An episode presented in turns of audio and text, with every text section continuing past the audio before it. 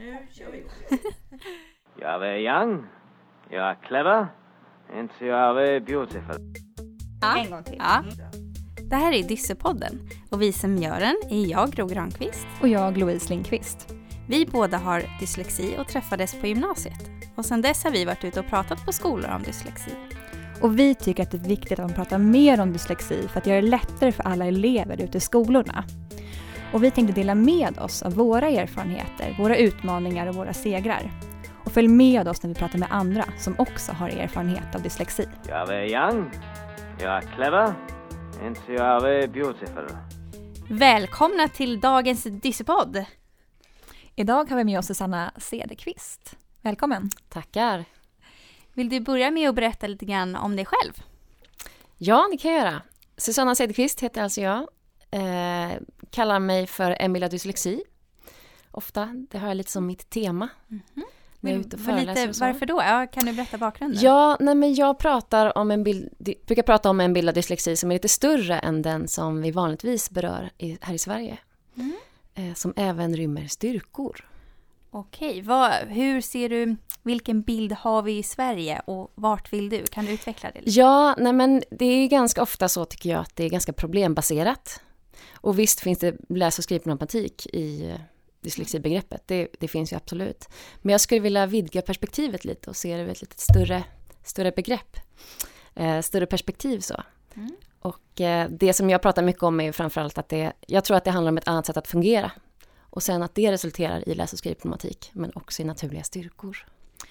Jättefint. Du säger att du pratar om. Kan, Mm. Du föreläser alltså om dyslexi? Precis, jag föreläser sedan drygt 6-7 år tillbaka om det här. Och du har själv dyslexi? Mm. Ja, mm. Mm. Precis. Och jobba som lärare också, eller hur? Ja, ja det gör jag oftast är ett parallellt. Lite, ja, intressant perspektiv. Att du är, ja, är dyslektiker, jobbar med elever som lärare, att du är verkligen inne på det här området Mm. med mycket erfarenheter. Men vi har ju tänkt att just hålla oss kring det här med styrkor, för det tycker jag och Louise också är jätteviktigt, att man lyfter fram vad vi är bra på och vad det innebär. Men vill du börja med det? Vad, vad har vi för styrkor som dyslektiker? Ja, ja, men absolut. Eh, det finns ju lite skillnader. Eh, rent mycket handlar ju om kreativitet och, och helhetstänkande till exempel. Att man är ofta ganska bra på att se saker från olika perspektiv. Både i tanken, så där vända och vrida på saker, lite 3D-tänkande pratar man ibland om. Eh, Men sen också liksom överblick över olika system och helhetligt tänkande generellt. Så att det finns en överrepresentation av eh, dyslektiker bland chefer till exempel. För att det är ett, där är det bra att tänka helhetligt. När du säger 3D-tänkande, är det mer med bilder som du menar då? Alltså att vi, ehm, för det kan jag känna igen mig i, att när, om jag ska komma ihåg någonting eller om jag har en berättelse så skapar jag som en liten film i huvudet. Är det det du är inne på eller? Ja, absolut. Jo, men ett bildtänkande som ofta är också en typ av tredimensionellt tänkande. Att Man kan ha lätt för att föreställa sig saker, vända och vrida på saker i tanken. Vilket kan också vara fördelaktigt till exempel när man håller på med design eller uppfinningar och så. Jag har samarbetat ett del med Svenska uppfinnarföreningen och där är ju också ganska mycket dyslektiker och det är ju fördelaktigt att just ha den förmågan att föreställa sig saker som ännu inte finns. Det här är ju jättespännande att du upptäckt det här. Är det någonting som du upptäckte tidigt när du själv gick i skolan, det här med styrkor, eller hade det kommit senare? Ja, nej men jag upptäckte ju ganska tidigt att jag hade svårare för att läsa. Så. Men sen upptäckte jag ju också att det fanns andra saker gemensamt. Och min mamma är dyslektiker och min lillebror är också det. Um, och jag började väl se ganska tidigt också att, att det fanns ju andra styrkor i det här. Och sätt som vi, att det var ganska kreativt och skapande hemma liksom och sådär. Um, och det har ju följt med mig länge att jag ser de här andra eh, fördelarna eller de andra gemensamma sakerna också dyslektiker emellan. Har du alltid sett styrkorna framför det som du upplevt som jobbigt? Alltså, eller har du haft någon period i skolan då det, då det bara var fokus på det jobbiga och sen kom det positiva, eller hur såg det ut? Alltså det spelar ju ganska stor roll vilken situation man är i. Alltså problematiken ska man ju inte förringa på något sätt. Och det, det pratar jag ju också mycket om, att man måste ha sina sätt, hur man närmar sig text. Att man gör texten tillgänglig och att man använder andra sätt där. Annars blir det väldigt problematiskt. Mm. Så. Mm. Vilka är de här andra sätten som du pratar om, alltså att ta till sig text till exempel? Ja, men när det gäller tillgänglig text så brukar jag framförallt prata om att man lyssnar. Många dyslektiker har ju sitt primära sätt att ta till sig information på via hörseln, att man lyssnar via talsyntes eller talböcker och ljudböcker och så vidare. Mm. Jag tänkte på det här med kreativitet igen. Eh, mm. för jag blir så nyfiken. Det känner jag verkligen igen mig och träffat många andra också som känner att de är kreativa. Och mm. jag blir mm. så här, är det någonting som vi behöver vara för att vi har dyslexi? Att vi behöver bli kreativa och utveckla det? Eller är det någonting som, in, som kommer med dyslexin, att vi är kreativa? Förstår du vad jag menar? Ja, absolut. Ja, du tänker att antingen så är det så att man, man blir det av att ja. ha dyslexi, att man måste komma på andra vägar. Men jag tror snarare att det handlar om att vi har det sättet att tänka från början. Det finns skill små skillnader i hjärnan, att höger hjärnhalva är mer med i tänkandet i olika processer och det finns massa sådana liksom exempel på som tyder på att det finns skillnader redan från början. Så jag tror att ja, det är snarare ett annat sätt från början. Mm. Går det att jämföra lite grann med att men vissa människor har en väldigt musikalisk talang eller kanske, alltså att vi har ju olika egenskaper och att då vi kanske har fått en kreativ egenskap med. Eller? Ja men det kan man väl säga, alltså vi är ju väldigt olika allihopa och, så ska det ju vara, det är ju meningen. Mm. Så att det är någon typ av grund, grundfilosofi i det hela. Mm. För du pratar ju också när du är ute och föreläser om det här med att vi är olika och att det är någonting som vi borde ta tillvara på mer. Mm. Hur tycker du att man ska jobba med det i skolan? Alltså hur ska en lärare kunna jobba med elever som är olika? Mm. Jag brukar prata om ett begrepp som heter kompetenseffektivisera mera, som jag tror gäller för samhället i stort, att man, man blir duktigare på att se kompetenserna och värdera våra olikheter. Sen när det gäller i skolan, det är fortfarande ganska mycket text där. Um, så. Och sen finns det ju en liten hierarki som jag brukar säga mellan olika tillvägagångssätt också. Att vi har jättemånga sätt vi använder till att, för att kommunicera idag. Men att eh, det här med att läsa sig till kunskap är liksom lite det är väldigt fint på något sätt. Det är liksom högst upp i hierarkin. Jag brukar jämföra det med att rita till exempel, eller andra förmågor och sådär. Så att det är något som man behöver vara medveten om, den här hierarkin. Så att det är fortfarande starkt i skolan. Och där är det också väldigt viktigt, just när man håller på med text, att man visar på alla sätt som finns att, att läraren visar på att, ja, men att läsa det är också att lyssna till exempel. Så att man inte lägger det ansvaret på individen själv, att man ska liksom vara på något sätt lära sig på ett annat sätt än vad de andra gör, utan att man visar alla att det finns flera sätt. Jag tycker att det är väldigt viktigt det du säger, det här med att det finns som en liten hierarki och att det, det är lite fint att lära sig att läsa i en bok och läser man jättesnabbt så, ja, så är man så duktig. Och jag tittade på något program på tv där det var smarta människor som tävlade, de fick massa uppdrag. Mm. Genikampen, jag hette det. Och jag blev jättearg när en av liksom, eh, uppgifterna de fick var att stava rätt. Som att det betyder att man är jättesmart så länge man stavar rätt. Och det tycker jag också är sådana här signaler man får att om man läser jättesnabbt och jättemycket och stavar rätt, då är man jättegrym och smart. Men vi är ju också smarta, fast vi har ju andra egenskaper än att stava och läsa snabbt. Mm. Är det någonting som du känner igen eller? Ja men alltså traditionellt så har det ansetts som fint och för länge sedan, eller ungefär, ja, tidigare så var det liksom att kunskap fanns i böcker och att det inte fanns, den tekniska utvecklingen fanns inte så mycket. Sen har det ju alltid funnits en muntlig tradition också, men det där är något som sitter kvar lite traditionellt, som, men så är det ju inte längre. Nej, jag tror också det blir så att den här hierarkin som du pratar om, som jag känner igen mig jättemycket i, jag tror den är extremt osynlig för folk som har lätt för att läsa. Jag tror inte ens de reflekterar över hur ofta och vardagligt det är att man säger att man ska ta till sig någonting via text. Exempel när jag liksom, nu i skolan när någon säger så här att ja men eh, ja, men inför ett nytt jobb och det är ett nytt område så det är bara liksom läsa det i en bok det man ska göra. Och jag var så här, nej, nej, så kommer inte jag att göra. Jag kommer inte låna hem en bok för att läsa mig på det. Eh, den här hierarkin blir så extremt tydlig. Mm. Men det är därför vi tycker att det är så bra att man lyfter fram goda exempel också. Det kan nog jag känna att jag saknade när jag gick i grundskolan, för det var just mycket fokus på vad som var jobbigt och jag tyckte att det var jättejobbigt. Men om någon hade berättat för mig att jo men det går någon i två klasser upp här och hon har eller han har inläst material och använt den här tekniken och den läraren har varit bra. Då har det ju snarare blivit inspirerad att testa själv. För det här med att använda dator och sånt tyckte jag var lite läskigt. Men jag tror att det är viktigt att vi lyfter upp de goda exemplen. Både på hur lärare gör och hur elever har hittat tips och, och knep på att ta sig fram i skolan. Mm. Jo men visst är det så. Och där har jag jobbat ganska mycket just med, utifrån kändisar också. När jag jobbar särskilt med barngrupper men också med vuxna. Just det här med fördomar och vilka förknippar vi med begreppet dyslexi och dyslektiker. Mm. Så, så det är ett ganska bra förhållningssätt ibland att ta med och visa på hur mycket kändisar och skådespelare och sådär som, som är dyslektiker. Mm. Verkligen. Eh, och det är därför vi vill intervjua och få, alltså du är ju inspiration här hoppas vi. Eh, för de som lyssnar, att eh, det finns ju vardagskändisar också som delar med sig. Hur har du märkt av dina styrkor i ditt jobb till exempel? Um, ja, men när jag jobbar som lärare så handlar det ju ganska mycket om att, att kunna avläsa situationer och vad är det som man, en elev inte förstår nu eller vad den, den förstår och hitta liksom sätt att försöka individualisera så mycket som möjligt i undervisningen. Eh, så där, kan jag tänka, där tänker jag att det är en fördel att just kunna se de här olikheterna hos elever och ha den förståelsen.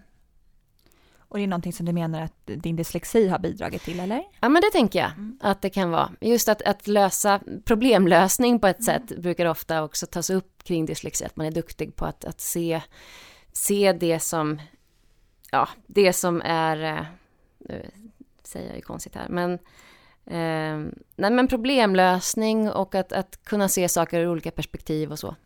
Absolut. Jag tänker tillbaks på den tiden då jag gick i skolan och jag inte alls ville kännas vid av att jag hade dyslexi och ville inte lyssna på någon som hade liksom ville förklara för mig för vad det var eller vad som man kunde göra. Har, alltså hur pratar man om styrkor och vad som är bra när allting känns jättejobbigt? Mm. Nej, men jag tror att just introduktionen om vad dyslexi är och hur man kan se på det tror jag är jätteviktig. Att man just ser på det här lite helhetliga sättet och att det, det inte handlar om något fel utan bara att vi lär oss olika lätt på olika sätt. Helt enkelt så. Det tror jag är väldigt viktigt och det är också en bra det blir också ett annat sätt att se på sig själv och sin självbild. Att man, för om man bara går runt och tror att man är dålig på någonting, det kan ju bli ganska destruktivt och, och, när det särskilt inte är det det handlar om utan det finns massa gemensamma styrkor som många av oss inte reflekterar över. Man tror att nej, men det där kan väl alla. Ehm, men det kan inte alla. så så att det tror jag är väldigt viktigt just för att ta in de här andra sätten att jobba på också. Mm. Vem, vems ansvar är det att ge den här bilden till eleverna, tycker du?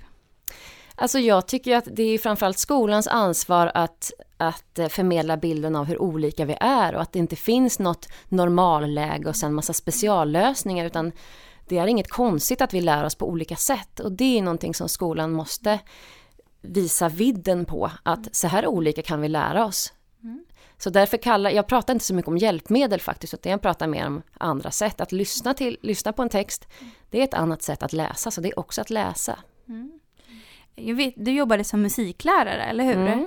Och hur jobbar man på andra sätt med musik och hur, alltså om man har dyslexi, mm. vad är det som kan bli jobbigt med musik och i sådana fall, vad är lösningarna då? Ja, men jag skrev i min uppsats på Musikhögskolan om dyslexi och musik.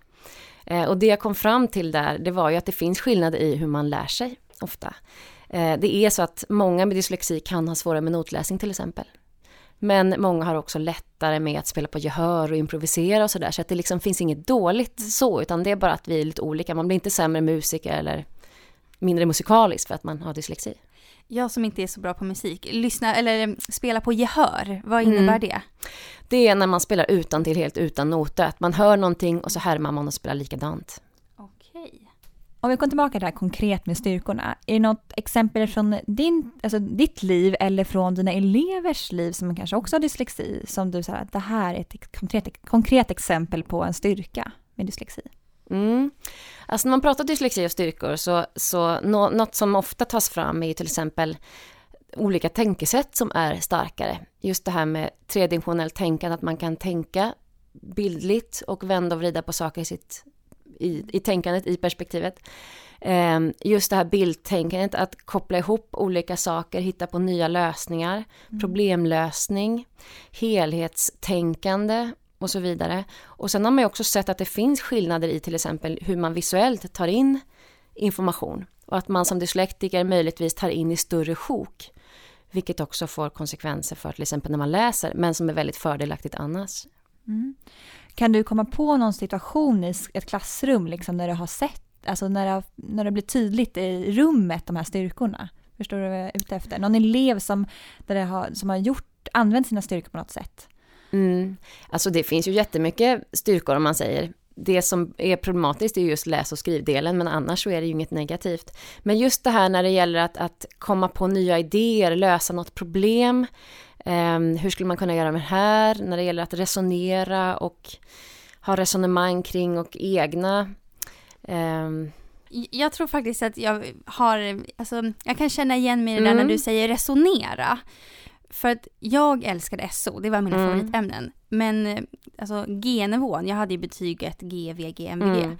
Då var det ju fakta på G-nivå, det var jättesvårt. Men just när man fick komma upp och resonera, diskutera, dra slutsatser. Okej, okay, så den här eh, kungen bestämde det här och därför mm. har vi den här lagen idag. Alltså det var ju roligt och då mm. känns det som man fick komma åt sin styrka att vara kreativ, lösa problem. Alltså då, där tycker jag att man kommer till sin fulla potential. Absolut, absolut. Och där är ju många som upplever att man stoppas innan då på grund av mm. läsning eller så. Och anledningen till att man kan ha svårt att minnas begrepp är ju ofta att man inte ser ord i sitt tänkande lika tydligt. Jag ser inte, jag kan liksom inte se fusklappen som en del beskriver, eller jag kan inte se ordbilden lika tydligt som många andra och det, det påverkar ju minnesbilden av olika begrepp till exempel nu har vi pratat jättemycket om styrkorna, vilket vi såklart ska göra. Men mm. vad är då konkret som blir svårt för dig? Jag brukar prata om att man inte kan tänka platt som dyslektiker. Jag tror att alla kan tänka tredimensionellt, men att man som dyslektiker kanske är mer hänvisad till sitt eh, tredimensionella tänkande. Och det gör att man inte riktigt kan föreställa sig ord i sitt tänkande. Det har andra anledningar också, men bland annat det. Jag kan föreställa mig ord till viss del, men sen att det liksom de åker ut och jag kan inte se hela ordbilden samtidigt, de flyter ut. Lite som när man skriver på en sandstrand och man är för nära vattnet, att när man har kommit till slutet av ordet så försvinner de första delarna. Så att på ett sätt kan jag rista in ord, men de försvinner, så att man tänker inte riktigt i ordbilder. Och sen finns det också skillnader just det här när man, när man eh, ska läsa. För man har sett att man som dyslektiker troligtvis tar in i större sjok och ser mer helhetligt när man tar in visuellt med ögonen. Och det tror jag är någonting som påverkar läsningen ganska mycket. För när jag ser en text så upplever jag att den inte riktigt är helt stilla. Och det är många dyslektiker som pratar om det här att bokstäver kan hoppa, från olika, ja, hoppa mm. runt i texten och sådär. Jag upplever mer att det kan åka lite fram och tillbaka och att jag kan börja se mönster i texten och sådär. Eh, och det tror jag är för att jag tolkar in en liten, liten, liten dimension av tredimensionalitet och djup i den där texten. För text ska tolkas platt och inte tredimensionellt. Så att den rör sig lite och ibland kan jag uppleva som att vita pappret kommer liksom framför bokstäverna så att de är urskurna i pappret och så vidare. Mm. Så, att, så att det tror jag är en anledning till att man är, kan uppleva att, att texten är inte riktigt stilla. Och då blir det såklart svårt att läsa också och, och fokusera och också vad man är och läsa i läsriktningen blir det också svårare när man har det helhetliga sättet att ta in information på med ögonen.